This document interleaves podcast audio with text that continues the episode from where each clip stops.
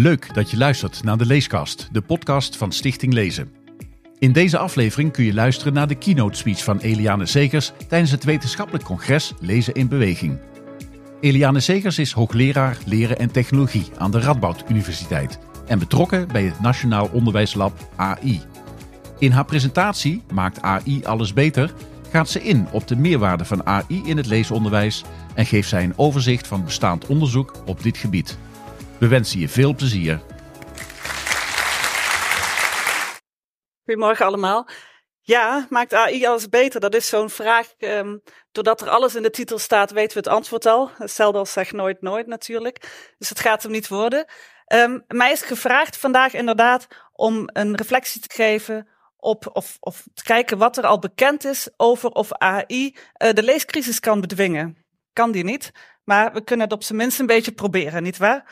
Um, Eliane Segers dus inderdaad. Ik uh, ben hoogleraar leren en technologie aan de Radboud Universiteit. Ik ben ook uh, wetenschappelijk directeur van het Expertisecentrum Nederlands. Die hebben dat PISA-onderzoek dan dus ook gedaan. Don't shoot the messenger.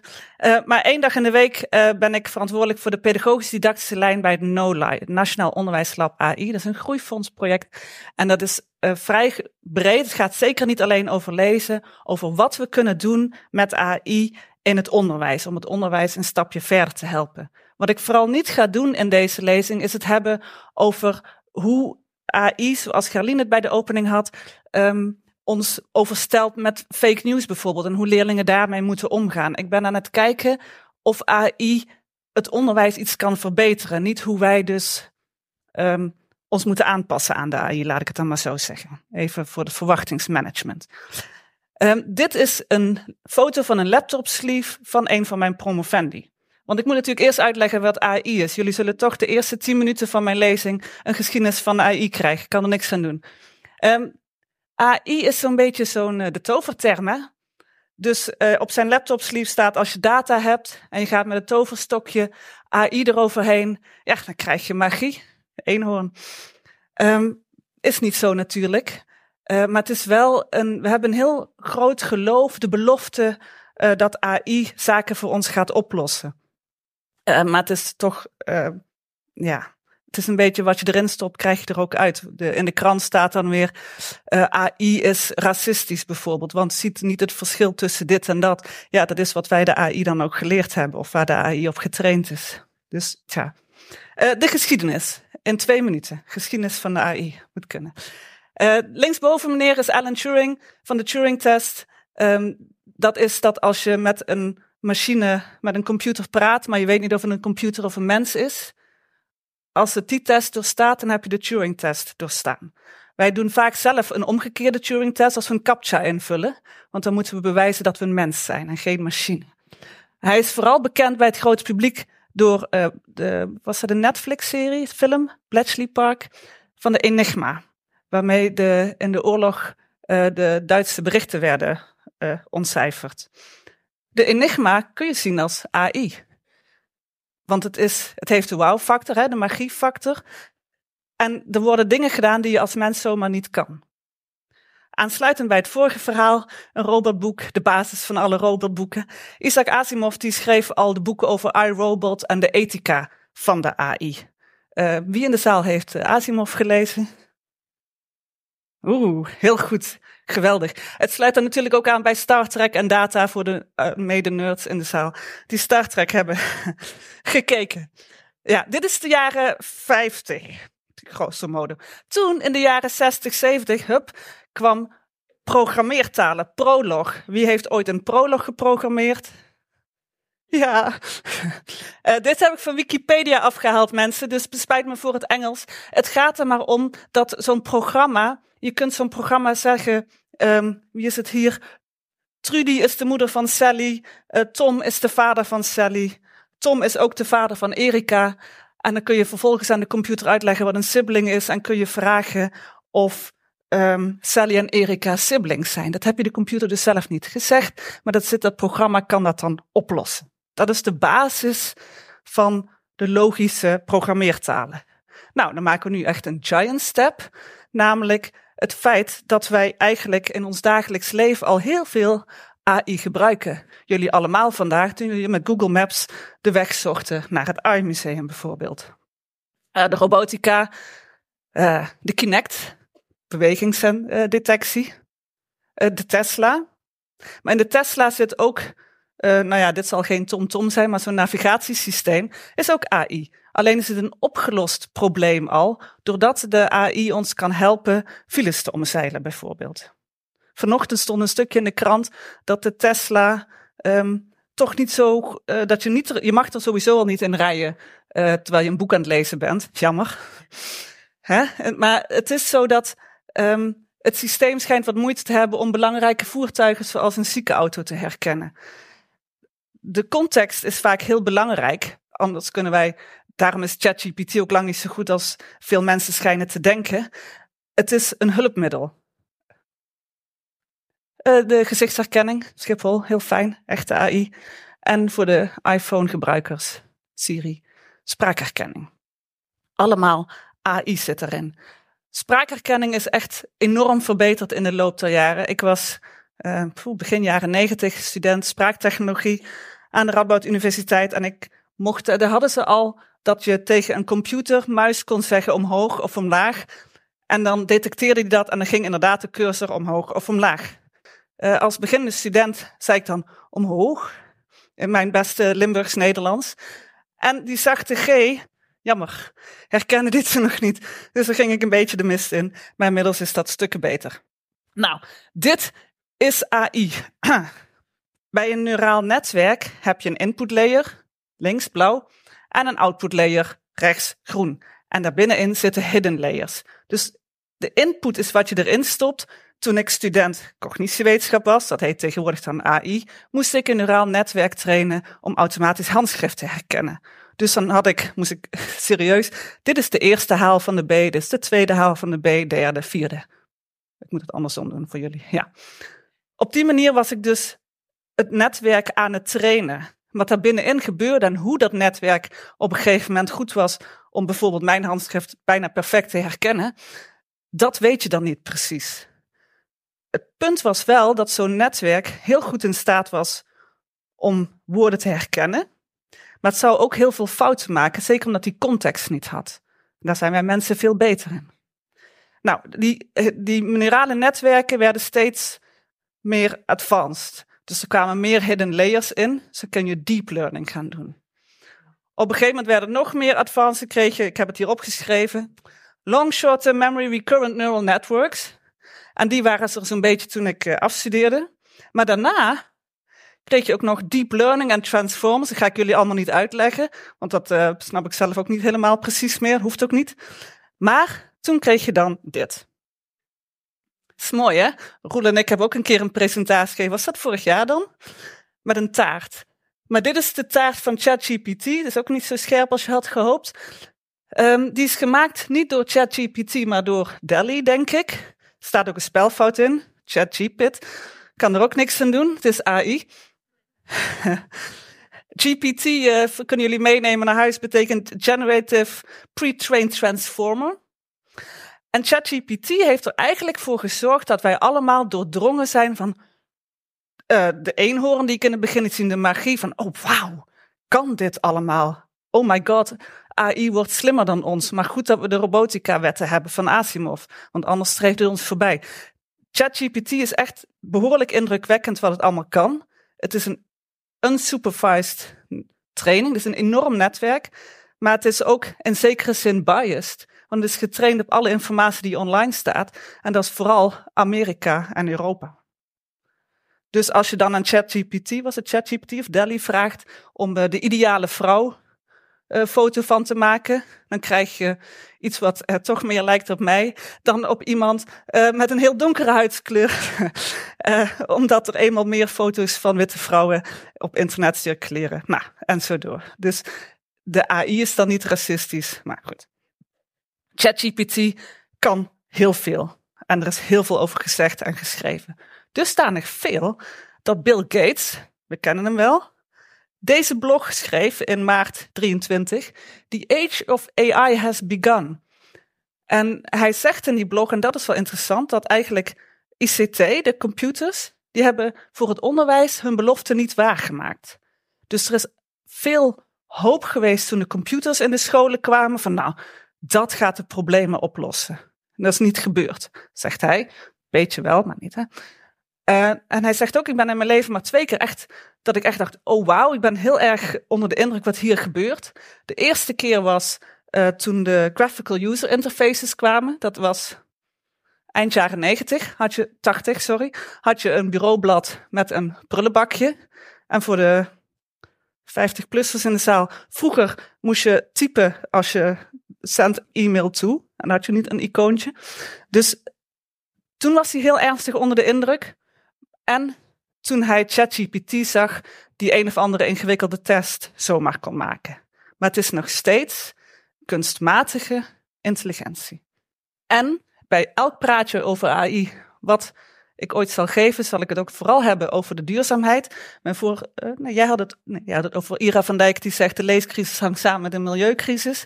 Als we de leescrisis denken op te gaan lossen met ChatGPT, dan creëren we wellicht een nog grotere milieucrisis. Want ChatGPT krijgt 195 miljoen verzoeken per dag. Serieus, ik, hm, veel. Uh, vijf ChatGPT-vragen kosten een halve liter water. En uh, het linkerbalkje is een Google search, kost minder liter water.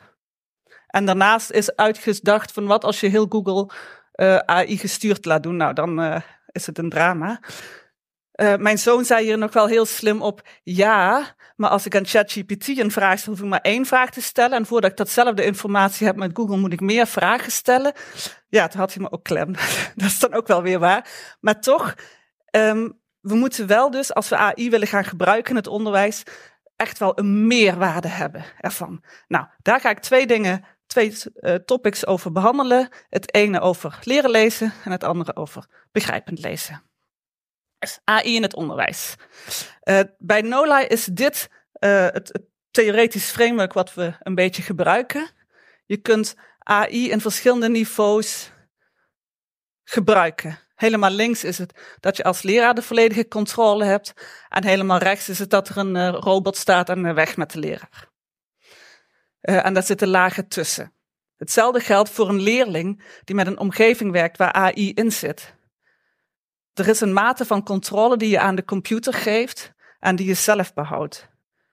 Als je nou alle controle aan een computer geeft als leerling zijnde, dan leer je dus zelf niet meer jezelf controleren. Um, dat zou misschien goed kunnen zijn voor, om te leren wat je wil leren, maar je leert dan nooit meer om zelf te leren. Is dit wat, ik hoop dat dat duidelijk is wat ik daar zei. Je zelfregulatievaardigheden uh, worden daar wat minder mee getraind. Dus daar moet je echt wel een goede balans in zoeken wat je daar doet. Met AI kun je zaken detecteren. Bijvoorbeeld met spraakherkenning welke fouten leerlingen maken. Je kunt data interpreteren. Dus je kunt bijvoorbeeld clusters maken van leerlingen uh, die uh, meer hulp hierbij nodig hebben, die meer hulp daarbij nodig hebben en die meer hulp daarbij nodig hebben. En je kunt handelen, dus je kunt dan vervolgens het systeem dusdanig inzetten die, dat die goed inspeelt op de behoeftes van de leerling. Als we het over leren lezen hebben, dan gaat het dus meestal bij AI over spraakherkenning. En wat ik net zei, na, toen al die ingewikkelde neurale netten kwamen met die transformers en alles, toen heeft die spraakherkenning ook een enorme uh, spurt gemaakt. Dus heel veel meer kan. Kinderspraak is nog steeds echt wel een dingetje. Niet alleen de verschillende accenten van Limburg versus Friesland, of noem het maar op. Maar ook dat een kind dat net leest, uh, misschien net even struikelt of stottert of begint of dat. Um, uh, Amira, dat is ontwikkeld aan Carnegie Mellon University in Pittsburgh, is wat mij betreft het, nou, een van de enige best onderzochte spraak automatic speech recognition systemen voor lezen. En wat deze onderzoeker gedaan heeft, is daadwerkelijk gekeken, oké, een klas of verschillende leerlingen werken met die spraaktechnologie. Een andere werkt met een personal tutor, dus echt een, een mens. Echt mens, hoe? En uh, een deel werkt met in de klas. En wat hij zag is dat met die spraaktechnologie, dat deed nauwelijks onder voor één op één werken met de mens. En dat is al best wel heel erg mooi dat dat gevonden is. Um, het verschil zat hem erin Um, dat had niet zoveel met die spraakherkenning te maken, maar met het systeem zelf, met die zelfregulatie waar ik het net een beetje over had. Dat de menselijke tutor de kinderen soms net even wat verder kon helpen met de selectie van oefeningen en dat soort zaken. Terwijl de kinderen, als ze zelf de controle hadden, de neiging hadden om het zichzelf vooral niet al te moeilijk te maken. Uh, maar dit werkt wel. Dus als kinderen die al kunnen lezen, en in Nederland is nu weer een feest in groep drie, want ze hebben alle letters gehad rond deze tijd. Dus nu gaat het om sneller leren lezen. Dan kun je jezelf uh, sneller leren lezen door veel te oefenen met zo'n ding. Deze van Microsoft is ook uit. Um, hier is een voorbeeld. Ik vond hem online, uh, waar ook met procedure en intonatie gewerkt wordt. Um, ik heb er mijn best op gezocht. Ik weet niet hoe het in Nederland gebruikt wordt. In Vlaanderen blijkbaar wat meer. Ik kan geen onderzoek vinden dat hiernaar gedaan is. Het zal vast gebaseerd zijn op onderzoek, maar ik kan niet vinden. Ik vond wel op internet een roadmap van Microsoft, uh, waarin ze zeggen dat ze onderzoek gaan doen. Tricky, want dan is het ook bij van WC Eend. Ik weet het niet. Wil niet zeggen dat het niet goed is. In Nederland um, ja, dit is dat voorbeeld van dat uh, shady, uh, minder scherp schermpje, sorry.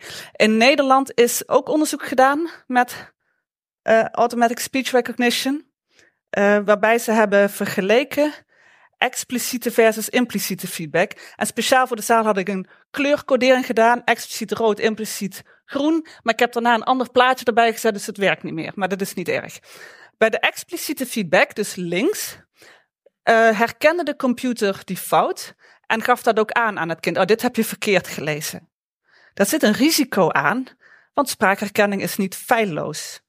Dus het kan zijn dat je verkeerde feedback geeft. En dat is, tja, kun je ethisch van alles van vinden.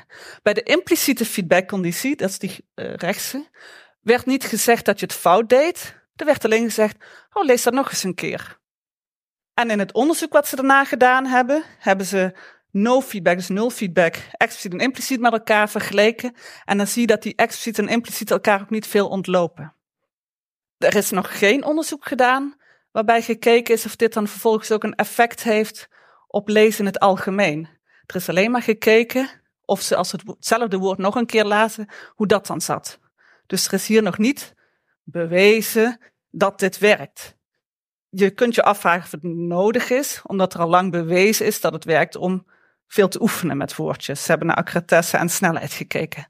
Deze module zit nu inmiddels in het onderwijs. Het is bij één kern van veilig leren lezen. Zit die spraakherkenning erin. Bij NOLAI, Nationaal Onderwijslab AI, komen er vragen binnen uit het onderwijs. Um, waar wij dan proberen te helpen met een AI-oplossing. En een van die vragen uit het onderwijs van Stichting Klasse ging over technisch lezen moeite met de DMT, de drie minuten toets. En wat zij willen is eigenlijk dat, dat de AI helpt om te kijken wat voor soort fouten leerlingen maken, zodat de leraren de leerlingen beter kunnen helpen. Dus als ze weten van, oh, jij maakt meestal een BD-fout of jij zit met de AU en de OU te klooien, uh, dat daarmee geholpen kan worden. Dus dat is het onderzoek wat we nu gaan opzetten. En we gaan beginnen met uh, lees, uh, leesaudio te verzamelen van kinderen in den landen, zodat je niet weer die zielige kinderen hebt zoals ik uit mijn Limburgse accent, dat dat niet wordt herkend. Een andere, want dit is wel een interessante, roept veel weerstand op, maar is daarom ook een heel leuk project, vind ik zelf. Interactie in virtual reality bij kleuters. De vraag, de vraag van uh, Flores Onderwijs was, zij zeggen we hebben veel leerlingen, kleuters, die opgroeien in een, in een buurt waar ze dan vervolgens verder nauwelijks uitkomen. Omdat er van thuis uit niet het kapitaal is of de. Uh, ze, ze komen gewoon hun wijk niet uit. Dus dat betekent dat die kinderen wat minder levenservaring hebben. Als je dan vervolgens op school komt en er worden verhaaltjes voorgelezen, zoals dat hoort in de kring, dan landen die verhaaltjes niet, omdat de kinderen de voorervaring en kennis niet hebben. Ik zie dat zelf ook vaak. Dan wordt er een verhaaltje in de kring voorgelezen. Je ziet sommige kinderen echt, ja, hè, niet in het verhaaltje duiken. Zoals mijn uh, vorige spreker ook zo graag zegt, je moet in dat verhaal duiken. Als je dus een voorleesverhaal over een dagje aan het strand hebt. en je bent zelf nog nooit naar het strand geweest, een voorbeeld een leraar binnen NOLA die werkt in Den Haag, hij heeft kinderen in de klas, zijn nog nooit naar het strand geweest, ga dan naar het strand denken, snap ik, maar toch, met virtual reality kun je naar het strand gaan. Nee, het is minder goed dan de echte ervaring, snapt iedereen. Het echte strand is vele malen leuker, maar toch, het kan. Je kunt die kinderen alvast laten ervaren, embodiment, dat is ook beter dus dan naar de tv kijken, embodiment, op het strand met interactie, waarbij net als een ouder zegt, hey kijk, een krab, huh, die loopt nou van mij weg.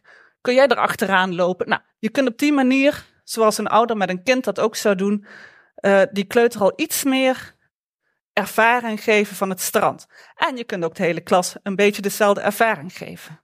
Ik uh, vind het een uh, interessant idee.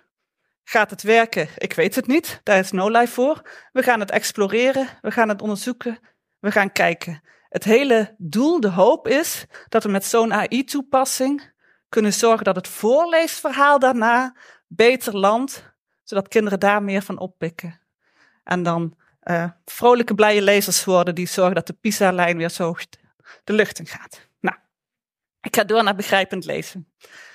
Begrijpend lezen is nog veel minder over gedaan wat betreft AI.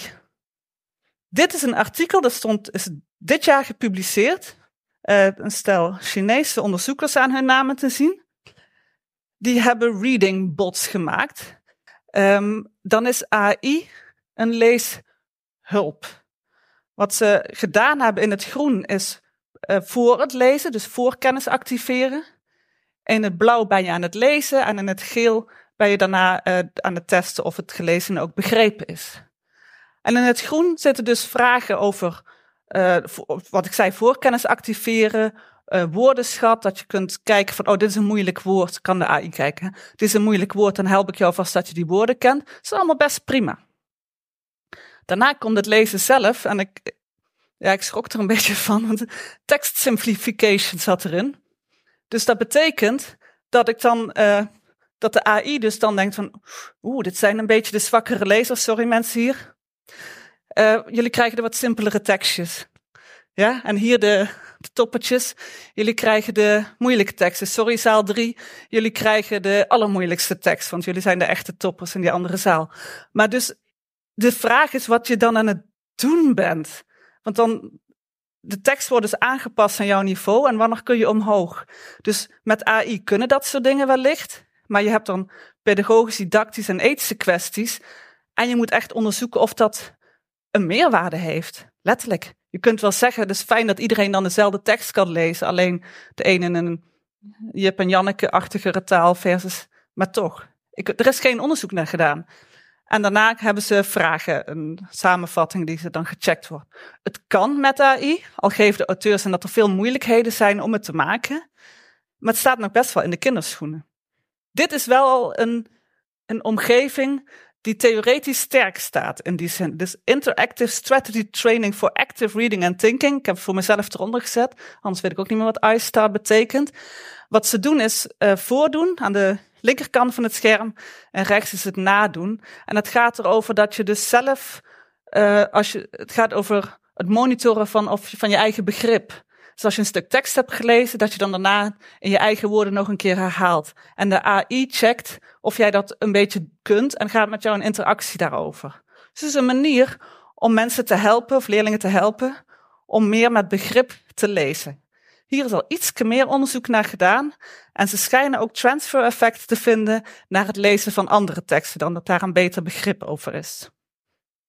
Dit is van um, uh, Arizona, komt het vandaan.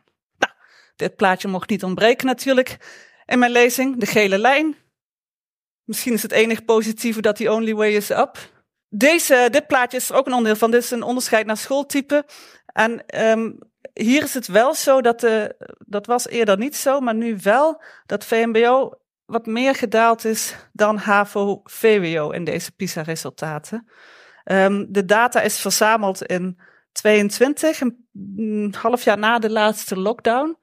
Dat zal deels wel een dalende lijn verklaren bij alle landen en ook Nederland, maar zeker niet de scherper dalende lijn in Nederland.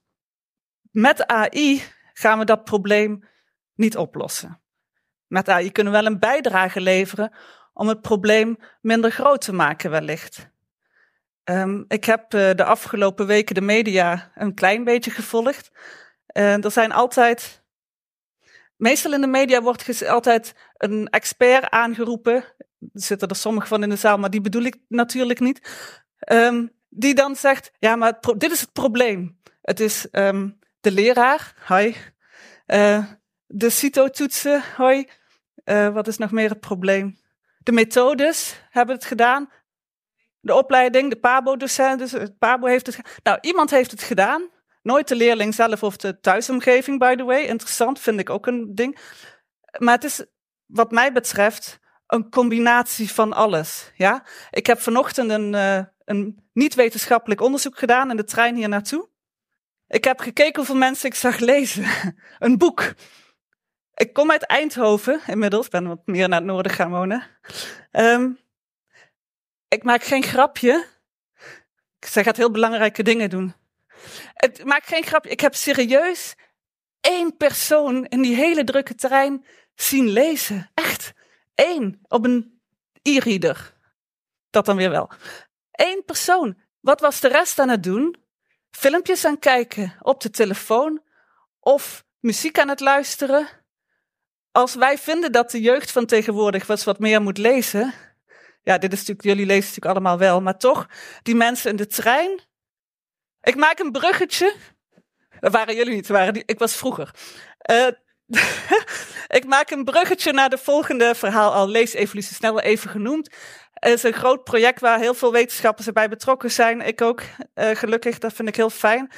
Uh, en een leesevolutie, daarom had ik hier ook de MBO'ers uh, gehighlight. Een leesevolutie, één van de projecten daarin gaat om over MBO, VMBO, hoe we die um, meer aan het lezen krijgen en in die opwaartse spiraal van causaliteit krijgen. Want als je meer leest, word je beter, vind je het leuker, ga je meer lezen, et cetera. Een manier waarop we een bijdrage willen leveren, dus niet het probleem denken te gaan oplossen, maar een bijdrage leveren, is uh, met een met gebruik van AI op de telefoon.